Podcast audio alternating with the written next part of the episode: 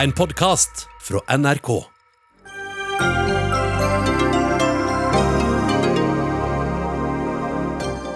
Foreldre kan ha blitt uriktig dømt for filleristing av spedbarn, ifølge en ny rapport som har gått gjennom 17 norske dommer.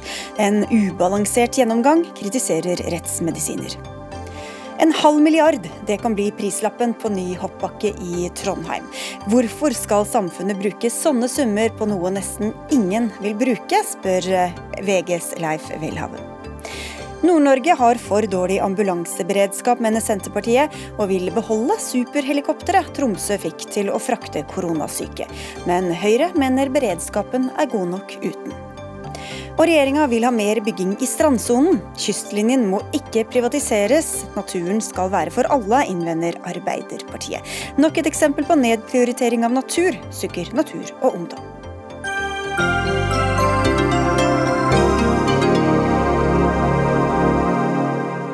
Vel møtt til ukas første Dagsnytt 18 med Sigrid Solund i studio hvor vi først skal til USA, hvor president Donald Trump har tvitret ivrig fra sykehuset. Ifølge CNN skal han allerede i går ha krevd å forlate sykehuset. Stabssjefen i Det hvite hus tror presidenten kan komme tilbake til jobb allerede i dag. Den covid-19-syke 74-åringen har vært innlagt på militærsykehuset Walter Reed siden fredag, og nå kommer det melding om at også Trumps pressesekretær er blitt smittet. Anders Magnus, USA-korrespondent nå i San Francisco, hva vet vi om helsetilstanden til Donald Trump nå? Vi vet altfor lite fordi det har vært manglende opplysninger fra legene hans. De har f.eks. ikke sagt om han har lungebetennelse. Det har de bare unngått å svare på. Så det er mange, svært mange spørsmål ved helsetilstanden hans. og De som kan denne type medisin, som ikke jobber i Det hvite hus, er sterkt kritiske til at han nå blir skrevet ut fra sykehuset. Disse legene sier at med det sykdomsforløpet og de medisinene som Trump nå har, så bør han ligge til observasjon på sykehuset mye lenger. Det er klart at I Det hvite hus så har man en egen liten sykestue, en slags miniklinikk. Men disse legene som uttaler seg utenfra Det hvite hus, sier at den, disse, de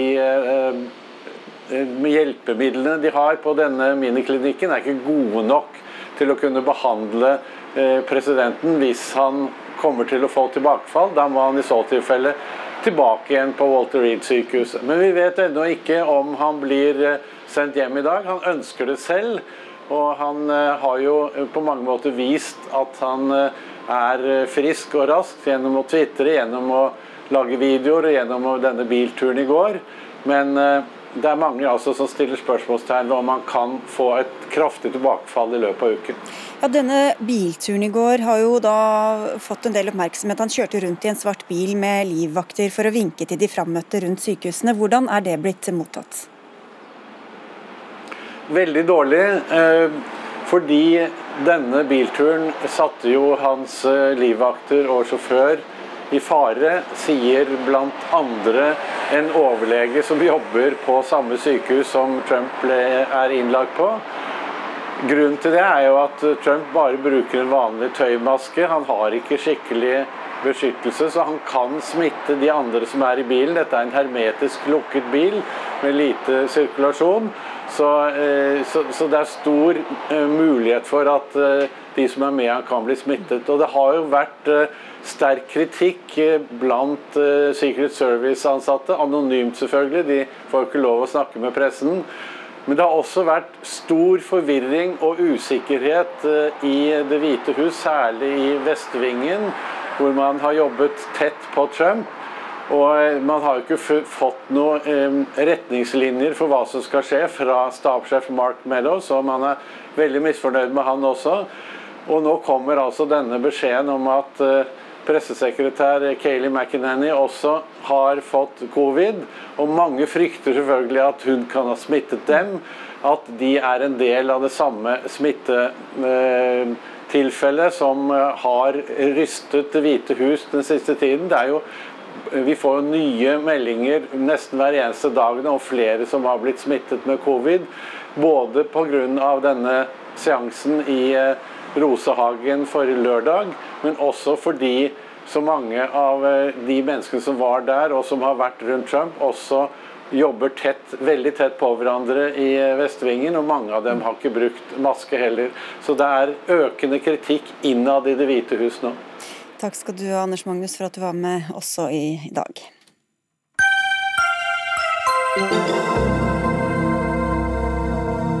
Er barnet blitt mishandlet, eller er det andre årsaker til sykdom eller skade? Dette er det vanskelige spørsmålet som norsk rett må ta stilling til fra tid til annen.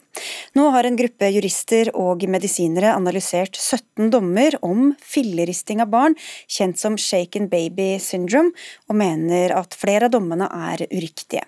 Og Hvordan har dere kommet fram til dette, Aslak Syse, du er professor i juss ved Universitetet i Oslo, og en av dem som står bak denne analysen? Det første vi gjorde, var å gå gjennom eh, hvilke straffedommer som finnes på dette området, og det brukte vi Lovdatas eh, databaser til. Dernest så gikk vi til Riksadvokaten for å få politidokumentene og eh, de sakkyndiges vurderinger som supplerte det vi visste fra domstolene.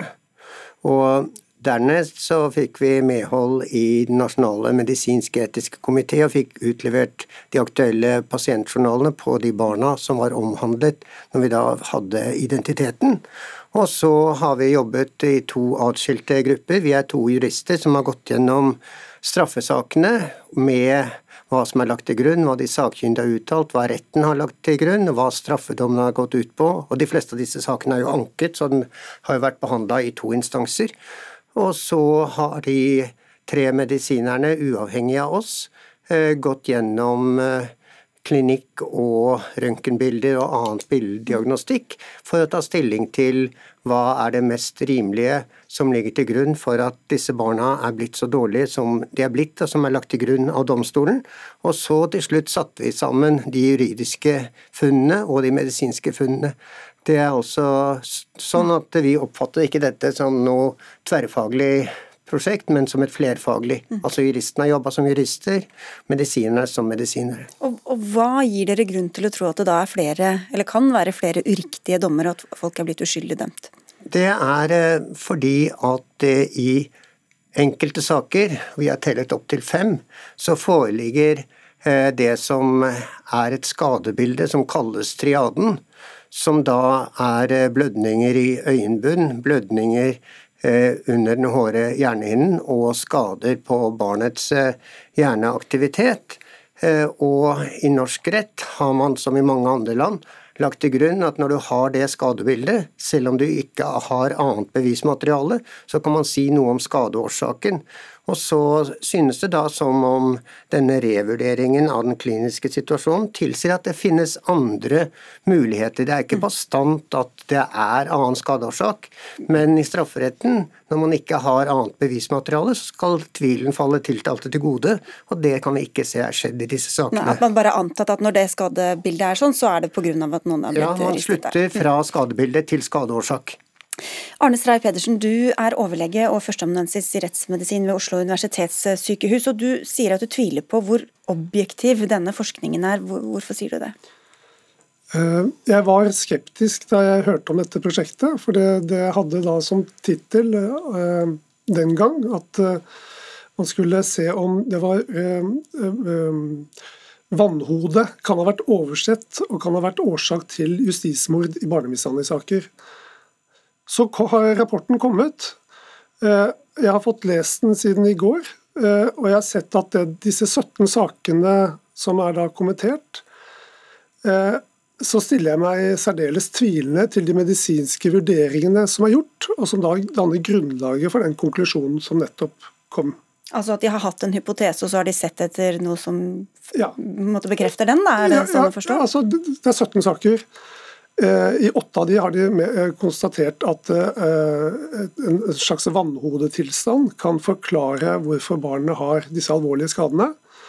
I seks tilfeller har de konkludert med at det er en hittil ukjent medisinsk spontan tilstand som forklarer det. Og da vil jeg som rettsmedisiner tenke dette er fryktelig vanskelige saker. Jeg har vært involvert trolig i flere av disse sakene. Vi er noen få som gjør det. Da vil jeg kjenne til hvilke kriterier er det man har, er det de har sett som ikke vi andre har sett. Og, og... Vi, vi, kan høre mer om det medisinske, men bare for å ta det først, Syse. Det, dette at dere har gått inn i det med skal vi si, et snevert eller et skeivt blikk, da. Ja, det oppfatter jeg er eh, en veldig påfallende påstand av en som sitter tjukkest i det av alle, nemlig Stray Pedersen, som virkelig har noe å forsvare. Jeg har ingenting å forsvare. Det er ikke sånn at jeg er bundet til noen som har vært dømt, eller ikke har dette vært nært til meg eller min familie eller andre jeg kjenner. Så for meg er det forskningsinteressen som har stått helt sentralt. Og så blir spørsmålet, og det er et medisinsk spørsmål, og der er jeg enig med Stray Pedersen, jeg har ingen mulighet til å si at våre hva skal du si, eksperter er noe bedre enn de norske ekspertene. Men det er veldig klart vi måtte ut av landet, for de norske ekspertene er stort sett samstemte om en teori som da er forkasta i Sverige, nemlig at man kan ikke få ut av denne slutninga. Ja, for du, du, sier at du lurer på om de er objektive, objektive, men så lenge du selv som du sier, har noe å tape eller noe å forsvare, hvor objektivt klarer du å se på dette, Stray Pedersen? Den debatten den kan ikke jeg vinne. Eh, sånn at jeg eh, men det var du som startet på den, og det syns jeg var veldig påfallende. At du starter med å antyde at det er usaklighet. Nei, jeg, for å ta det enda mer rett tilbake. Jeg, jeg skulle ønske at det var litt mer vitenskapelig etterrettelig. For det som er her, er at Man har sagt at det kan være andre alternativer, men man har ikke gitt uttrykk for hvorfor det kan være andre alternativer. Når vi undersøker et mishandlet barn, så er vi ikke alene. Det er jo noen barneleger på et sykehus som har meldt fra og hatt mistanke om dette.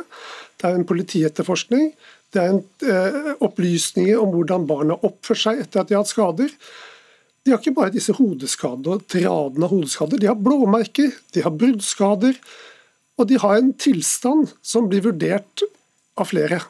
Så er det noen få av oss som har som medisinsk spesialitet å vurdere skadeårsaker og skademekanismer. Eh, og, og der, eh, Hvis det er slik at noen nye har kommet til og har, har andre eh, kriterier for sykdommer, så vil vi gjerne vite det. for da kan, må vi ta dette inn i diagnostikken. Jeg går ut fra at du er godt kjent med den internasjonale forskningen. Jeg går ut fra at du er godt kjent med at eh, Høyesterett i Sverige har sagt at dette kan man ikke gjøre lenger. Påtalemyndigheten i Sverige har sagt det samme. En svensk offentlig utredning har sagt at denne Det vil jeg bare skyte inn, for Nå snakker dere om, nesten, om hvorvidt det finnes dette shaken baby syndrome, og, og med disse kriteriene ja, som du listet opp. Ja, og du kan gå fra skadebildet, som ingen betviler at det foreligger et skadebilde. Dessuten vil jeg bare si til Stray Pedersen at nok en gang så undervurderer du objektiviteten i det vi har framlagt. Det finnes ikke et blåmerke i disse sakene som ikke er tatt med i vår oppsummering av det juridiske. Altså, jeg, jeg, jeg, har fått noen timer til å lese det. Jeg kjente igjen to av sakene. Der var det utelatt at disse barna hadde kragebensbrudd, ribbensbrudd og blåmerker. Hvorfor står ikke det i resumeet av, av disse sakene? Ja, Det burde stå der hvis det har vært lagt til grunn i domstolene. Vi har ikke fjernet noe fra domsmaterialet som skulle tilsi at det ikke Men bare for å skjønne ja. litt mer, Mener du da, Stray Pedersen, at det er mer én-til-én-forhold mellom disse symptomene, eller altså kriteriene, og dette som, som da blir kalt shaken baby syndrome? Eh, nei, det gjør jeg ikke. Jeg mener at den måten de her legger det fram på, at mishandling diagnostiseres ved noen enkle eh, medisinske funn, det er feil. Eh, mishandling altså For det første så er, det eh, så, så, det dere har sett på er mer komplisert enn sånn det blir framstilt i denne rapporten? Det er mye mer eh, medisinske funn, og det er opplysninger i saken som ikke er tatt med. Og som da utgjør et hele som gjør den vurderingen. Og, og da kan man spørre til dere også, da, ettersom dere har da svenske eh, eksperter, som du selv sa, hvor, hvor ja. de ikke eh, ser på dette som et syndrom, da, på, ja. sånn, som man gjør det. Om, om, det har da farget hele synet på hva man ser på også i, i deres rapport? Det som jeg prøvde å si i stad, er at eh, det juridiske som er lagt fram her, er forsøkt å gjøre så fullstendig det kan gjøres. Dette er en juridisk artikkel, det er ikke en medisinsk artikkel. Jeg er veldig enig med Stray Pedersen i at det er fullt mulig å etterspørre hva er disse funnene som gjør at disse medisinsk sakkyndige kommer til et annet resultat. Og som det står i denne artikkelen, det er, eh, vil senere hen av de samme forfatterne bli publisert en artikkel med en medisinsk vinkling. Vi syns det var viktig å ta det juridiske først, bl.a. for å gjøre folk i Norge, påtalemyndigheten med videre som har gitt oss løyve til dette, oppmerksom på at her bør man trå betraktelig mer varsomt enn norsk rettspsykiatri og norsk rettsmedisin har lagt til grunn. Da høres det ut som det kommer mer lesestoff til deg, Arne Strei Pedersen. Takk skal du ha for at du kom, og takk til deg, Aslak Syse. Hør Dagsnytt 18 når du vil. Radio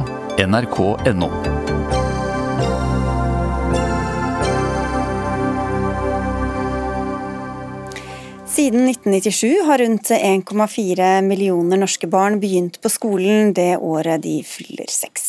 Likevel har seksårsreformen aldri blitt ordentlig evaluert, trass i at Stortinget ba om det i 2018, skriver i hvert fall Dagsavisen.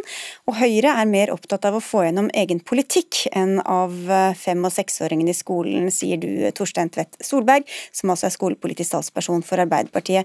Forklar hva dette første har med dette andre å gjøre, egentlig. Ja, Dagsavisen har jo som du sier gjort en ganske spennende avsløring om det de kaller maktkampen om seksåringene.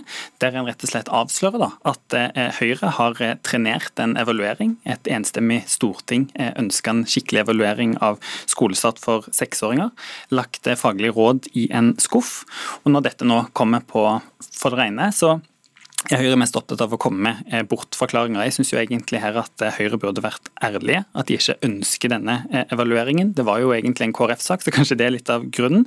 For ville de hatt en evaluering, så hadde vi fått en evaluering på bordet nå. Ja, og som Hva har den med Høyres skolepolitikk å gjøre? Nei, er, eh, Nå er det jo nesten 20 år siden en eh, fikk eh, innført skolestart for, for, for, seksåringer. Det har jo hatt sine konsekvenser. Jeg mener Vi nå har fått en skole som er for stillesittende, som er for teoretisk, der vi ser at altfor mange små barn blir syke og lider av skolevegring. Og da mener jeg, Skal vi få gjort noe med det, så trenger vi et godt kunnskapsgrunnlag. Så må vi få til en skikkelig evaluering av seksårsreformen for å kunne gjøre noe med det. For å ta denne evalueringen, Mathilde Tybring-Gjedde, stortingsrepresentant eh, fra Høyre. Hvorfor har det tatt så lang tid, da? To år siden Stortinget ba om den til nå? Kan jeg bare si at jeg tror det er veldig få som har noen gang beskyldt Høyre for å være mot å ha åpenhet om enten elevenes resultater eller læring og utvikling og trivsel i norsk skole. Og det gjelder heller ikke nå. Eh, vi har vært ønsket det. Som sagt, Vi stemte jo også for dette, nettopp fordi vi ønsker mer informasjon om de yngste barna har det, har det i skolen. Og vi er opptatt av at skolen skal være tilpassa hvordan barna lærer og utvikler seg. Denne evalueringen som Stortinget ba om, de ba om to ting. Bare først som et kunnskapsgrunnlag. Det ble bestilt med en gang, kom fem måneder senere. Og deretter ønsket ønsket man en ekstern evaluering. Den ble utlyst av Utdanningsdirektoratet.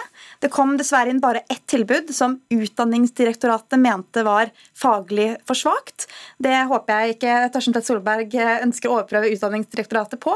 Og så utlyste den på nytt, og nå er vi i gang da med en ekstern evaluering. Det høres kanskje byråkratisk ut, men så enkelt er det. Det har ikke vært noe politisk innblanding her. Okay, den måtte bare kvalitetssikres, Solberg. Ja, Det er jo dette som jeg mener er eh, treneringen. For Hadde Høyre ønska den eksterne evalueringen, så hadde en fått det til. Om en ønska en har brukt Vil du overprøvd UDIR? Nei, men Han har hatt flere anledninger til å gjøre dette, og eh, statsråden har ikke mener jeg, tatt godt nok tak i dette, sånn at en har fått det på plass. Det interessante er jo at det en har fått på plass, denne kunnskapsoppsummeringen, som jeg tror det er viktig at vi sier ikke er den grundige evalueringen. Selv, eh, selv, den, der sier de forskerne som leverte den, at statsråden la dette i en skuff og ikke fulgte det opp når en behandla stortingsmeldingen om tidlig innsats. Det sier de til, til Dagsavisen. Dette er, dette er, rett og slett ikke riktig. Hvilket vi fikk et kunnskapsgrunnlag som ble gitt til de som jobbet med læreplanene. Fordi at Etter Reform 97, altså seksårsreformen, har vi hatt Kunnskapsløftet, og nå er vi i gang da med fagfornyelsen. Så Det er to reformer siden. og I fagfornyelsen så har vi nye læreplaner i alle fag. Der bl.a. det er kommet nye kompetansemål i andre klasse. Der det understrekes at det skal være lek, det skal være utforskning, det skal være en trygg overgang fra barnehage til skole.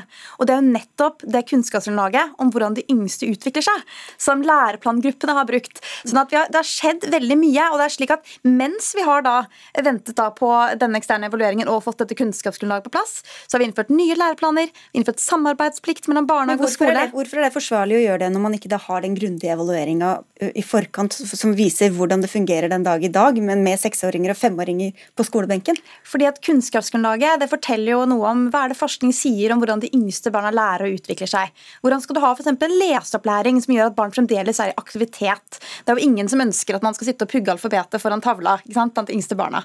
Og så har man brukt det kunnskapsgrunnlaget til å lage nye læreplaner der det nettopp understrekes at det skal være en god overgang fra barnehage til skole, og det skal være lek og utforskning. Men forskjellen på Arbeiderpartiet og Høyre er at jeg mener at man kan gjøre det samtidig som vi bevarer grunnleggende lese-, skrive- og regneopplæring. Okay, så mener du at man egentlig ikke trenger en evaluering, siden vi allerede har det du kaller et kunnskapsgrunnlag? Nei, jeg syns det er veldig interessant det, å se på en måte både fra Reform 97 til i dag, med de endringene som skjer med de nye læreplanene, hvordan de yngste barna har det i skolen.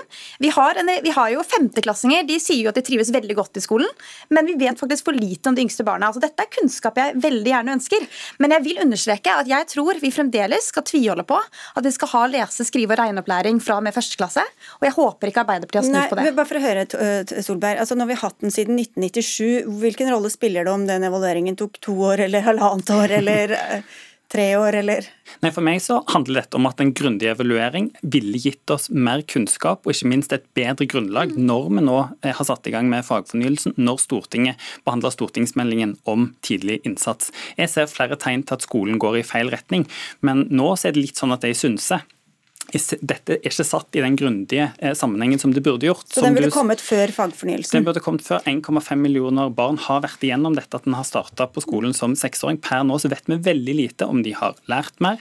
Vi vet en del om at de egentlig trives litt dårligere. enn ser... Men dere var for det i sin tid? Vi var for det i eh, sin tid. Og det var jo eh, eh Kunnskapsløftet som Kristin Clemet og Høyre innførte i 2001, som egentlig spora av eh, det som jeg mener var intensjonene i Reform 97. Og det er de som jeg er opptatt av av at vi nå må evaluere. For det er de grepene som Høyre tok i 2001, når en la til mer læringstrykk, økte antall timer og gjorde dem Og det har vel mange sagt, at kanskje gikk litt for langt den ene retningen, eh, Tybring-Gjedde. At det blei for mye mm, læring på liksom sitte stille for de femåringene, og ikke så mye på deres premisser. Nei, altså Det man innførte med Kunnskapsløftet, var at man skulle ha lese-, skrive- og regneopplæring fra med første klasse. Men hvordan det gjøres, altså hvilke metoder man bruker i et klasserom for at elever skal mestre og knekke lese- og regnekoden, koden. Det er jo opp til dyktige lærere, som vi også har satset på. Jeg tror det er en bedre oppskrift enn en mer sånn detaljstyring. Men, men, men, risikerer, men, da risikerer vi nå at vi innfører masse ting i, i den nye skolehverdagen som kanskje ikke burde vært der, da? Nei, det gjør vi ikke i det hele tatt. Altså, det vi ser er Som en evaluering kunne vise at vi burde heller gjøre det på denne men, måten? Men, det, er helt, nei, men om jeg får svare, det, er ikke, det er ikke helt slik at man ikke har hatt evaluering. Altså, har, det er jo en grunn til at man kom med en veldig veldig forskningsbasert kunnskapsløfte, som nettopp var fordi vi så at den, den, aktiviteten som var i klasserommet, var for fragmentert. Elevene lærte ikke nok, og mange falt fra. Så store spørsmålet er kan vi nå sikre at vi får både variert praktisk skole, samtidig som man lærer å lese, skrive og regne. Og da er mitt spørsmål til Arbeiderpartiet, ønsker dere nå å gå tilbake til reformen 97 hvor man ikke hadde lese-, regne- og skriveopplæring i første klasse? For det er på en måte det store kjernespørsmålet. Er det det dere ønsker? Nei, Det vi ønsker er jo å få på plass en skikkelig grundig evaluering. for Det er jo heller ikke helt riktig det som du sier at Høyre gjorde i forbindelse med Kunnskapsløftet. En økte òg timetallet, en økte læringstrykket. Men så har man jo justert seg underveis, underveis, også. Det er jo ikke sånn at man har holdt på med de samme tingene i 23 år. Nei, La oss ikke håpe det, men det er jo derfor jeg hadde eh, ønska meg en skikkelig grundig evaluering. At en hadde sett på hva konsekvensene var for seksåringene. For de tendensene vi ser nå, er at eh, flere av de syns det er for stillesittende, det er for teoretisk, de trives ikke i skolen. Og det har Arbeiderpartiet lyst til å gjøre noe med. Vi vil ha et brudd brudd med den stillesittende høyreskolen. Få på plass en mer praktisk skole som tar opp i seg det som var intensjonene i Reform 97, der de første skoleårene skulle være en god overgang mellom skole og barnehage. Jeg tror jeg egentlig er helt, helt enig her, egentlig i målet i hvert fall. Så vi ser hva den evalueringen viser når den en gang kommer. Takk skal dere ha begge to, Mathilde Tybring-Gjedde fra Høyre og Torstein Tvedt Solberg fra Arbeiderpartiet.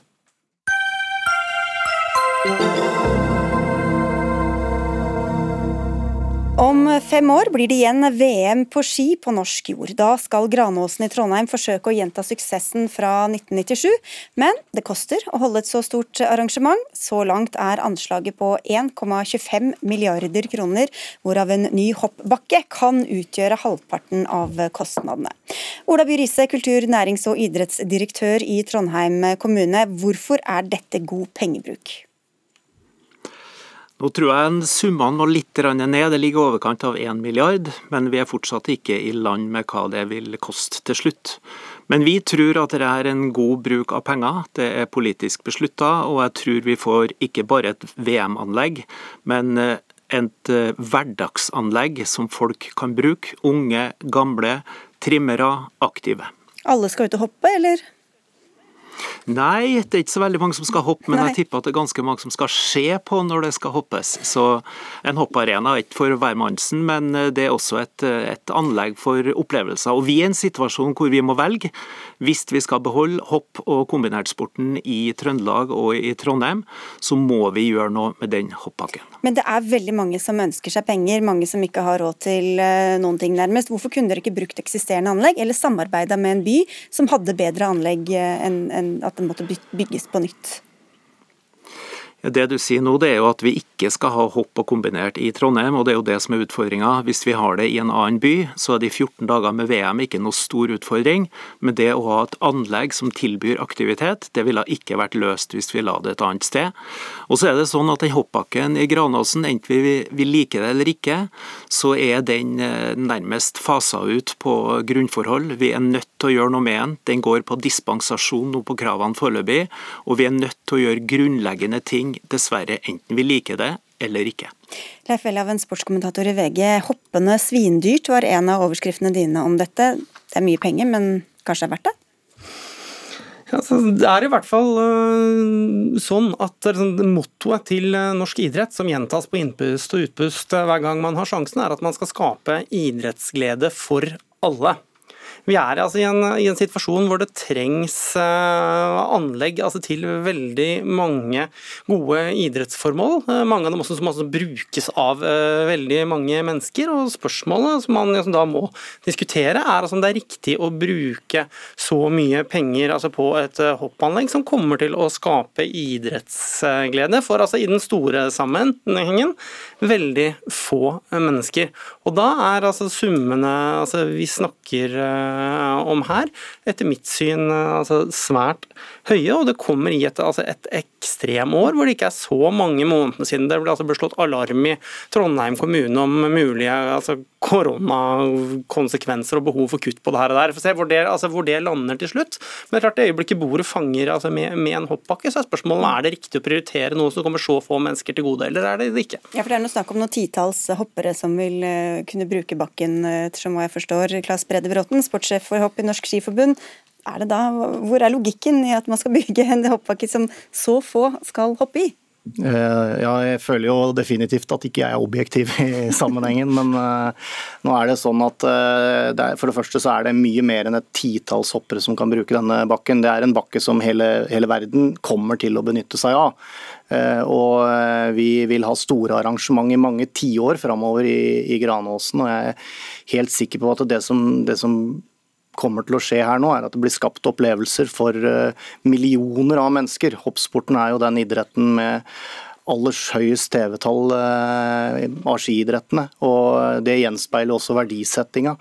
Så jeg, jeg føler meg trygg på at den investeringa som kommer til å bli gjort i dette opplevelsessenteret i Granåsen, det kommer til å være en god investering, som jeg tror faktisk at eh, man kan se at OL i 52 var, VM i 82 var det, OL i 94 uten tvil. Jeg vil si VM i 97 var en suksess.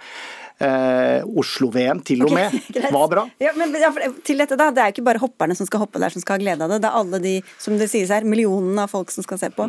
Jo, men altså, et av argumentene som blir brukt, er jo at dette skal være et hverdagsanlegg for alle. Altså, jeg vet ikke hvor presist det anslaget var, men altså, Trønderhopp selv hadde vel anslått at det er ca. 70 hoppere som kommer til å bruke det jevnlig. Så hvis vi snakker om hverdagsaktiviteten, så er det uansett altså, Der er det snakk om altså, få mennesker, uansett hvordan man vrir og vender på det. Og Spørsmålet er jo litt, hvis vi ser det altså, i den store sammenhengen, hvor mye skal vi altså bruke på å bygge hoppbakker? Altså, I en idrett som er tallmessig veldig liten i Norge. I den store sammenhengen så er ikke 14 år altså, så, eh, veld, altså, så veldig lenge. Men altså, vi hadde et VM på ski i 2011, og da ble altså Holmenkollbakken altså, kom i ny drakt. Et prosjekt som altså sprakk med 4400% og kosta 1,8-1,9 milliarder, altså milliarder kroner. Og nå er det altså VM på ski igjen. Spørsmålet om summen etter hvert her eh, altså, etter hvert her etter begynner å bli litt altså, disproporsjonal sett opp mot nytten man får ut av det. Og som, også, som du skriver, Welhaven, så var det ingen andre enn Trondheim som søkte om å få dette VM-et. Kunne dere bare sagt at vi, vi, vil gjerne holde det, men vi har ikke råd til å bygge en så fin, feiende, flott ny hoppbakke? Nå, eh, nå, er det vel ikke endelig sånn at eh, hva, hva den hoppbakken blir, er vel ikke endelig regna ut. og sånne ting, Men jeg, jeg er helt sikker på at eh, et, hvis vi skal ha et VM på ski, så må vi gjøre det innenfor de rammene som VM på ski krever. Og det, det betyr at anlegget i Granåsen, som vi heldigvis fikk hoppa i litt nå i forrige uke, det har vært stengt i hele sommer fordi at det har vært farlig å ferdes der for skihoppere. Det, det er nødt til å bygges opp. Og, og, sånn som Ola By Riise helt riktig sier, enten så skal vi ha paradegrenene kombinert og hopp i Trondheim, eller så skal vi ikke ha det. og nå virker det som om eh, politikerne i Trondheim ønsker det, og da skal vi sørge for at det kommer til å bli en kjempegod investering. Men Du kritiserer både liksom, måten de har inngått avtalen på, åpenheten eller manglende sådan, og også hva slags krav som er blitt stilt her. Altså, dette er et demokratisk problem. Altså, her inngår man en, altså, en avtale altså, med det internasjonale ski, altså, skiforbundet. Altså, basert på en avtale som altså, politikerne i formannskapet fikk helt usedvanlig lite tid på seg altså, til å lese gjennom et tungt engelsk dokument på nærmere 100 sider. Det ble riktignok ørlite forflyttet. Og attpåtil, når man da velger å inngå et partnerskap med en organisasjon som FIS, så prøver man altså på å unndra innholdet i det som kalles altså host contract for offentligheten inntil, altså inntil, den var signert. Og Når man da begynner å se på hva det er man faktisk har bundet seg til, så står det altså en politiker for i formannskapet og snakker om at det store slaget står senere, for da kan vi få nøkterne anlegg osv. Ser man hva som står i den lekkede avtalen så har altså FIS veldig stor grad av kontroll over hvordan dette skal se ut. Og i søknaden til Trondheim så skrytes det av liksom at det skal være et all new state of the art anlegg for, altså for wintersport. Og det nevnes spesifikt som et salgsargument at de skal investere så og så mye, så så mye penger. og et, eh, nesten, altså en høyere sum enn det vi har eh, altså, som ble nevnt tidligere. Jeg nevner at FIS er altså internasjonale hopp... Nei, eh, jo, Skiforbundet. Skiforbundet, mente jeg. Da tar vi den opp til deg, Ola By Riise i Trondheim. Jo, takk for det. For det første så er det jo sånn at når det var én søker den gangen her, så var det for, at alle skjønte at det var Trondheim sin tur, så de venter til neste gang. Så jeg tror ikke at det er null konkurranse her. Og så er det sånn at Når vi skal bygge et hverdagsanlegg, så handler det om hele anlegget. Og når det er et hverdagsanlegg, så er det ingen bakke i Europa det hoppes mer i enn Granåsen-anlegget. Og så er prisen ikke over 600 millioner. Eh, vi har slanka prosjektet med 90 millioner, og nå ligger det på 535. og det har vi tenkt å holde oss til og det inkluderer mer enn Det er det noen av oss som eventuelt må blø for, men vi i tett dialog med politikerne som skal få lov til å være med og beslutte det her, så står vi på de løftene som Trondheim kommune har gitt for flere år siden, og da kan vi trekke oss plutselig. Unnskyld, det er litt eh, forsinkelse. Hvorfor ikke ha mer åpenhet om denne prosessen, også så allmuen kan få innsyn i den, Ola Byrise? Jo, det tror jeg absolutt, og det tror jeg vi har litt å lære på kommunikasjon. Det kom ut veldig skjevt, og det var fordi at vi gikk i en dialog med FIS rundt den koronaproblematikken, som da skulle gardere for at hva skjer hvis du havner opp i en lignende situasjon. Da ville det blitt et voldsomt tap for den lokale arrangøren. Så det var forhandlingspunktet helt inn til at det ble for kort tid igjen, og det er egentlig ingen grunn til å hemmeligholde avtalene. Jeg er maks tilhenger av at åpenheten skal være fullt ut, og det må vi prøve å få til i framtida. Publikum skal involveres, beboerne involveres, og politikerne helt opplagt. Det er touchy når du inngår altså et samarbeid med en organisasjon som FIS. Altså I årevis har man nå snakket om de internasjonale idrettsorganisasjonene og styresett og åpenhet. Her er altså en partner som bare har menn i styret. Du har en president som har sittet i 22 år og vært, altså, er kritisk at det finnes menneskeskapte klimaendringer, og helst mener at OL bør holdes i diktaturer. Altså Det er et omdømmeproblem å inngå en avtale med FIS på den måten. og Da er det utrolig klønete at det første man gjør, er faktisk å gå i en sånn hemmelighold, hemmeligholdfelle hva gjelder innholdet i en kontrakt man har visst så lenge at eh, det er Trondheim som kommer til å få dette. Til gjengjeld får dere en veldig fin hoppbakke da, Bråten. Ja, og jeg er også veldig for åpenhet. og Jeg tror at vi best kan påvirke det gjennom å ta del i store og viktige arrangement som vi har vist gjennom mange år at vi er gode til i Norge. Så jeg gleder meg veldig. vi får se da, hvor mye det ender opp med å koste. Takk skal dere ha i hvert fall alle tre. Ola By Riise, direktør for kultur, idrett og næring i Trondheim. Leif Welhaven fra VG og Claes Brede Bråten, sportssjef for hopp i NSF.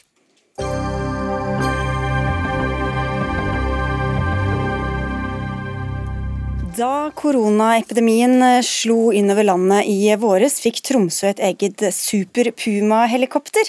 Dette såkalte koronahelikopteret kunne frakte pasienter syke med covid-19 på en forsvarlig måte inn i en kuvøse. Men nå mener helseregionen og Helsedepartementet at dette ikke trengs lenger, og avtalen løper derfor ut om to dager. Men dere kjemper for å beholde Sandra Borch, du sitter på Stortinget for Senterpartiet, og hvorfor er dette helikopteret så viktig? Eh, nå har vi jo sett hendelser bare den siste halvannen uka hvor ambulansehelikopteret i Tromsø har vært satt på bakken, og hvor covid-19-helikoptre har fungert som en reservekapasitet. Hadde ikke det koronahelikopteret vært i Tromsø da, så jeg er kjempebekymra for hva som kunne skjedd med beredskapssituasjonen i Nord-Norge. Så det handler egentlig ikke om dette helikopteret som sådan, men bare om beredskapssituasjonen generelt? Det handler om helikopterberedskapen, og helikopterberedskapen i Nord-Norge er kraftig svekka. Eh, det har vi sett. altså Forsvaret sine helikopter er forsvunnet fra Nord-Norge. De bisto både helse og politi før. Det får de ikke lov til å gjøre lenger. I tillegg så har jo regjeringa med egne ord sagt at det, vi har et stort beredskapshold i Nord-Norge med tanke på helikopter helikopter, og det er mellom Bodø og Banak, som da blir eh, Troms og Tromsø. Eh, og Det har jo regjeringa sagt sjøl, og det er jo sant at regjeringa har gjort litt. For de har sagt at i 2022 så skal man få en redningshelikopterbase i Tromsø.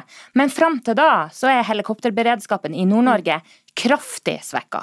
Sveinung Stensland eh, fra Høyre, mm, har ikke dette helikopteret vist at det trengs, rett og slett? Det helikopteret ble leid inn i mars og har blitt brukt fem ganger på den perioden. Eh, det ble brukt nå som reservehelikopter istedenfor et av de andre fire reservehelikoptrene. En gikk fra to til fire reservehelikopter i 2018. Eh, en valgte å bruke dette fordi det ikke har vært brukt så mye, så det fikk litt litt anvendelse. Eh, og når det gjelder transport av covid-19-pasienter, så var det en litt spesiell situasjon i mars. En visste ikke så mye om sykdommen da, og en hadde heller ikke annen transportkapasitet. Derfor så har Forsvarets helikoptre blitt utstyrt så de kan ha transportkuvøser. I tillegg leide inn et eget fly, et Dash 8 som står 24-7 i Bodø og kan transportere eh, kuvøsepasienter. Og denne eh, covid-19-pasienter, i den grad de trenger å transportere, så er det godt fullt ut betjent. I tillegg så er det sånn at i mars så visste vi heller ikke helt hvordan disse pasientene skulle behandles. Og en hadde heller ikke kapasitet på alle sykehus til å behandle dem. Nå vet en mye mer om dette, om sykdommen og om smitteutbredelsen. Men fem pasienter siden mars, eh, fire millioner kroner per måned pluss 43 000 kroner i timen. Er det verdt det, Sandra Borch? Ja, og når du ser hva som skjedde for halvannen uke siden ja, men Hvis når... du ser på et litt større perspektiv, jo, men det her handler... mange måneder, fem jo, turer, ja, hva det sier handler, det? Det handler jo om tryggheten til folk som bor i Nord-Norge. Og i verste fall så handler det faktisk om liv eller død. Og hvis du spør meg, ja, jeg syns det er verdt å investere i livene til folk i Nord-Norge også. Og, og, det må vi ta inn over oss, fordi at helikopterberedskapen i Nord-Norge, når du snakker med de som kjører ambulanse, når du snakker med de som jobber på helikoptre, når du snakker med leger på sykehuset i Tromsø, så er jo alle sammen enig i at helikopterberedskapen er for dårlig. Men hvis du snakker med luftambulansetjenesten, så sier de at ikke de trenger det? Nei, men jeg, jeg, forholder meg til folket i nord. Jeg forholder meg til de som jobber i tjenesten, og ikke til eh, kommunikasjonsfolk men, i luftambulansetjenesten. Og så må, må, jeg også få si at det vi ser nå altså Jeg satt og så på 113 i går. Eh, hvor man ser at TV-serien på NRK, eh, som, som da fikk inn to oppdrag som krevde helikopter. Og det var bare flaks det var bare flaks som gjorde at de to samme personene var i samme kommune, og at man kunne bruke det samme helikopteret. Så det å men, si at eh, helikopterberedskapen i Nord-Norge er god nok, det er den overhodet ikke. Han er betraktelig styrka. Som sagt, vi har dobbelt så mange reservehelikopter. og Grunnen til at det Super Puma-helikopteret ble brukt for halvannen uke siden, som du nevner, var at det ikke ble brukt til noen ting.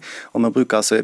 Har, Hvorfor skal man bruke det dyreste helikopteret da, eh, fordi, for å få seg luftetur? Ja, eller Det var den løsningen som ble valgt, men nå har jo Luftambulansetjenesten selv fagfolkene som driver med det, de som har ansvar for beredskapen, sagt at dette har vi ikke bruk for. Og en har da betraktelig styrka transportkapasiteten for covid-19-pasienter, i tillegg til at den nye, eh, den nye tjenesten for eh, ambulansehelikopter som kommer i 2018, har styrka beredskapen. I tillegg så har en nå Men hvem Snakker du med andre folk, altså som man spør får man svar? Hvem er det som sier til deg at uh, dette er trygt, bortsett fra de som, som, driver det, og Helsedepartementet selv? Ja, vi, vi, må jo forholde oss til, vi må jo forholde oss til de som jobber i tjenesten, vi må forholde oss til de som har ansvar for totaliteten i tjenesten. Eh, og Her er det jo et faktum at eh, beredskapen er styrka. Så uansett hvor mye Sandra Borch sier noe annet, så stemmer det ikke.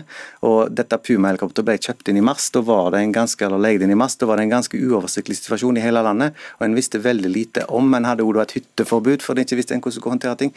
Verden så ganske annerledes ut. Så ble det tatt en beslutning beslutning om å legge inn et helikopter som hadde en årseffekt på 50 millioner kroner i året. Og når vi har hatt helikopter stående i et halvt år, og det er blitt brukt fem ganger, så syns jeg det er bedre å bruke pengene på andre ting. Og mm, F.eks. dette Widerøe-flyet, som kan fly pasienter. altså Du kan fly fra Bodø til Svalbard kretser rundt i timevis, plukke opp pasienter og fly ned igjen til Oslo uten å tanke. En fantastisk god beredskap i det. Det har vi fått okay. på plass. Så, så, det er ikke sånn at ikke vi gjør noe, men vi tenker litt annerledes. Og det helikopteret der kan godt stå der oppe, men det vil da koste 50 millioner kroner i året, som vi heller kan bruke på annen type beredskap i Nord-Norge, noe vi gjør. Ja, men Dette handler om å sikre beredskapen fram til 2022. og Man kan snakke om ambulansefly og helikoptrene man har i dag, men ingen av de er rusta til, til, å gå inn i den årstida som vi går inn i Nord-Norge nå. Fordi at dette Puma-helikopteret, eh, covid-19-helikopteret, har en de-ice-funksjon som gjør at det kan flyge i nærmest all slags vær. Og Da syns jeg òg det er veldig spesielt at man sier opp kontrakten nå, når vi ser at smittesituasjonen fortsatt er usikker, og den kapasiteten det koronahelikopteret faktisk har for å kunne flyge i hele Nord-Norge, hente pasienter fra et sykehjem i, sykehjem i Finnmark. Altså, Det her handler om folk si trygghet i Nord-Norge, og de har også krav på trygghet. Det ble etablert en helikopterbase i Evenes for noen år siden. Det ble etablert i Kirkenes i år. Det har blitt kraftig styrka. Og det å si at ingen av helikoptrene kan brukes i denne årstida, er ganske drøyt. Ganske langt fra Evenes til Kirkenes. Ja, I tillegg til det som var der fra før. Liten geografileksjon i tillegg. Takk skal dere ha begge to, Sandra Borch og Sveinung Stensland.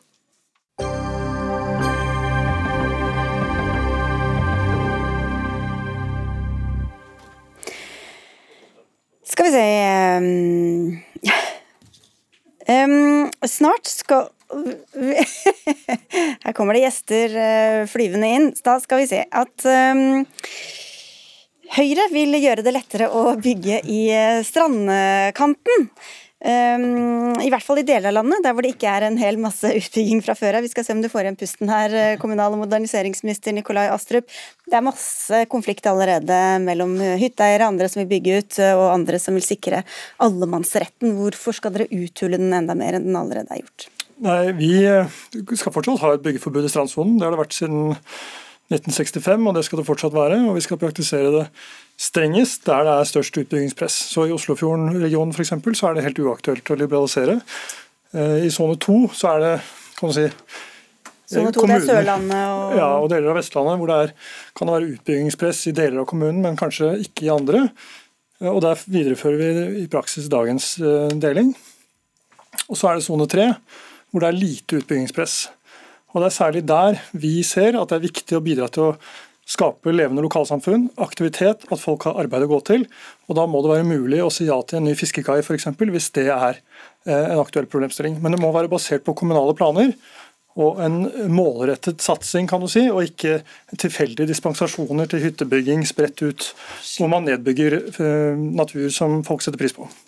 Eh, Åsmund Aukrust, stortingsrepresentant for Arbeiderpartiet. Dere er eh, imot eh, dette, men hvorfor ikke ha litt friere da i disse områdene hvor ikke det er noe særlig press i dag? Det høres ut som det ikke er press i det hele tatt. Sannheten er at det er jo et stort press over naturen nesten hele Norge. Naturen den er under et voldsomt press. Jeg syns jo at noe av det fineste med Norge, det er at vi eier naturen sammen. At det er sånn at vi kan gå på fjellet, gå i marka, gå langs kysten. Det er noe vi eier alle, alle, alle sammen.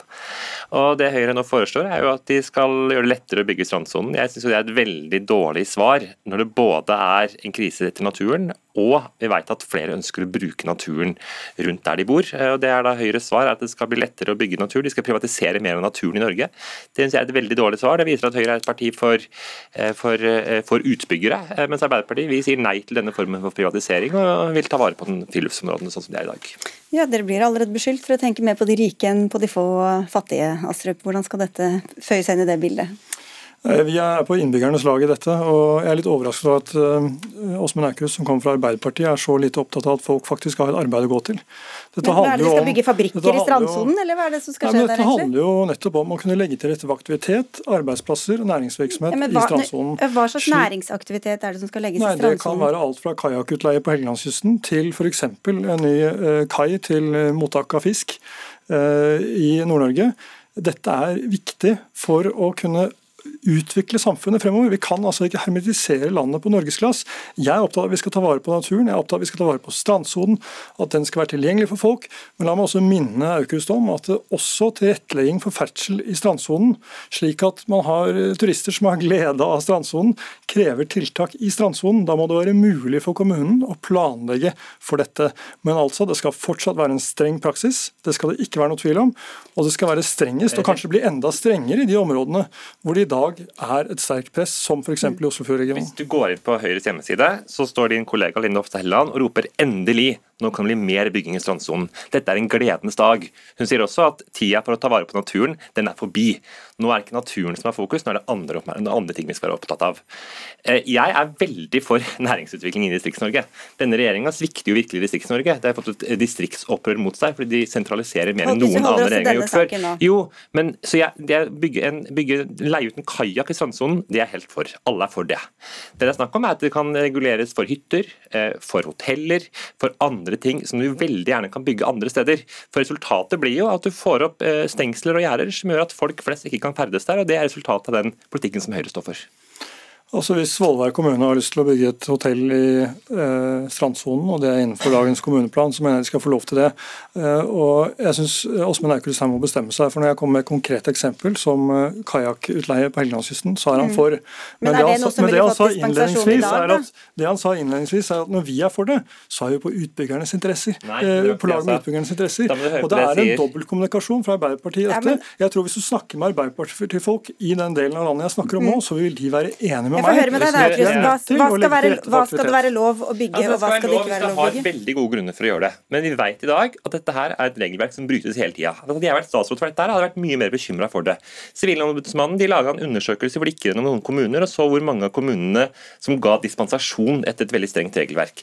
I Askøy kommune ga de dispensasjon i 98% av tilfellene, i Mandal 96% og i Kragerø 75 Men, men hvilken rolle spiller det da hva regjeringa sier, hvis det allerede brytes og gis dispensasjon i dag? Da er dette et helt feil svar. Da må vi jo heller sørge for at regelverket følges, istedenfor å si at det skal bli mer liberalt. Nå skal det være litt mer tut og kjør-holdninga. Det er den holdninga som vi får fra høyresida, og den er jeg helt imot. Hvis noen spør meg om 40 år hva gjorde du når du var politiker, og mitt svar må være nei, jeg var en av de som bidro til å privatisere naturen, sånn at man ikke fikk ferdes der man ville lenger, syns jeg det hadde vært et veldig lite stilig svar å si, og jeg håper at Høyre kommer på bedre tanker. Vi, vi vet at det er blitt vanskeligere å gå langs kysten, mm. Astrup, mange steder. Mm. Eh, hva skal forhindre at det da bare forplanter seg oppover langs eh, kysten? vestkysten?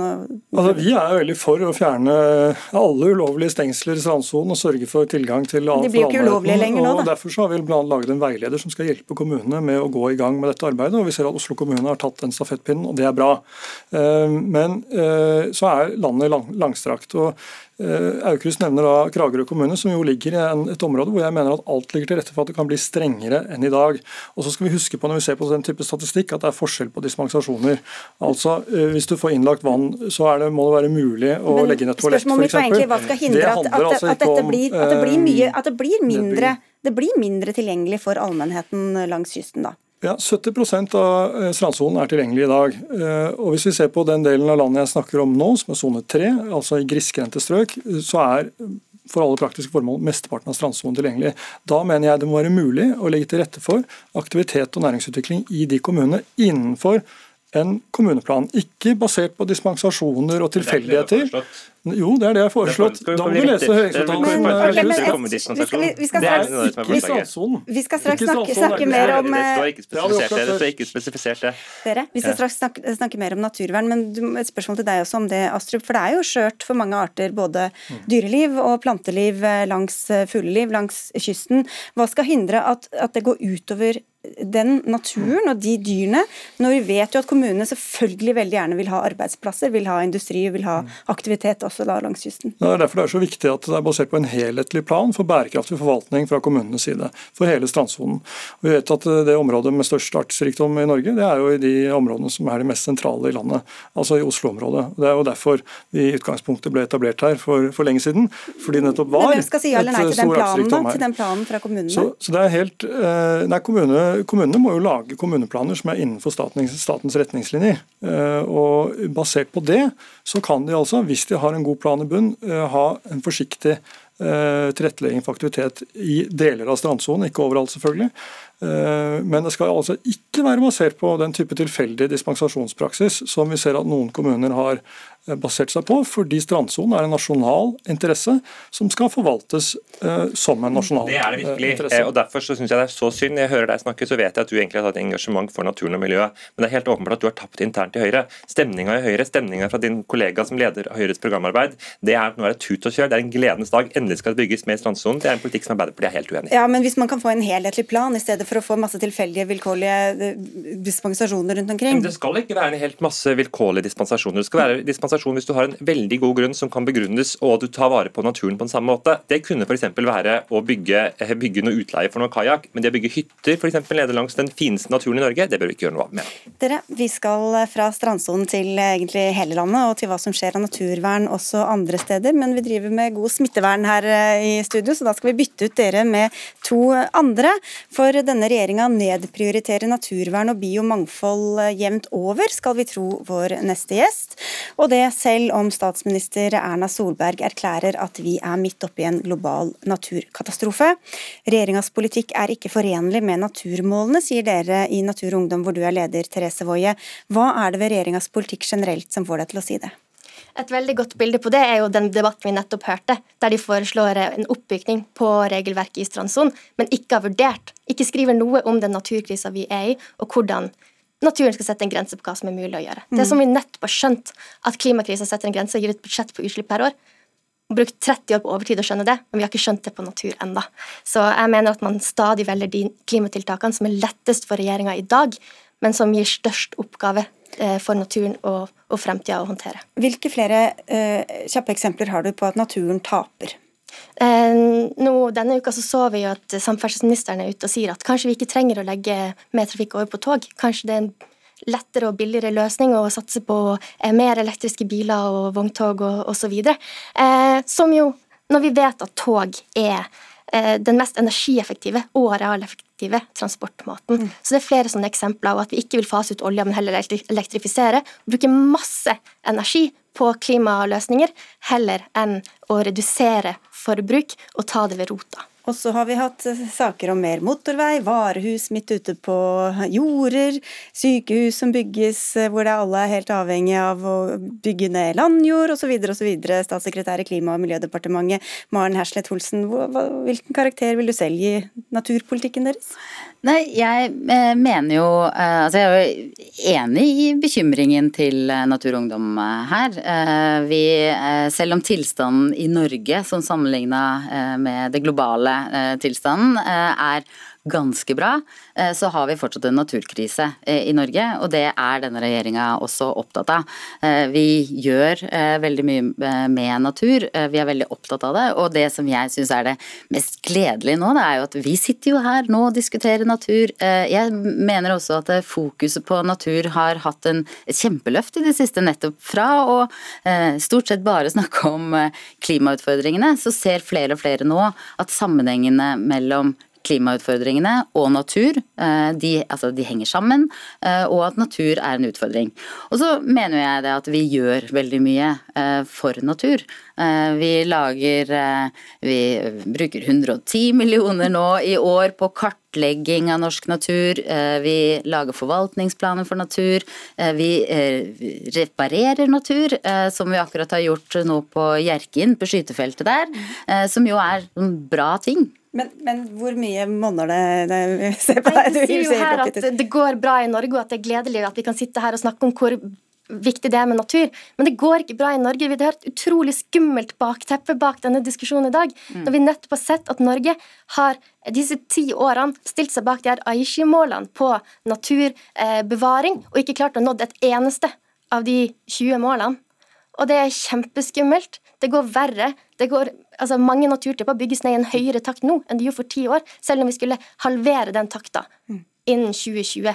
Og Nå skal man snart forhandle om en ny avtale, og hver gang Norge blir spurt om hva er viktig i den avtalen, så sier man ingenting om hvordan Norge skal bevare sin egen natur, og ingenting om at vi har ikke oppnådd våre mål vi har satt oss, bare at vi skal hjelpe til med tropisk regnskog og en forpliktende avtale for de andre landene. Det er helt opplagt at Norge må ta sitt ansvar for å gjøre det. Og ja, det stemmer at eh, vi er eh, globalt sett òg eh, langt unna å nå de Aichi-måla, men det jobber jo nå med i forhold til en internasjonal naturavtale, hvor Norges posisjon har vært veldig at vi Det holder ikke bare med målsettinger.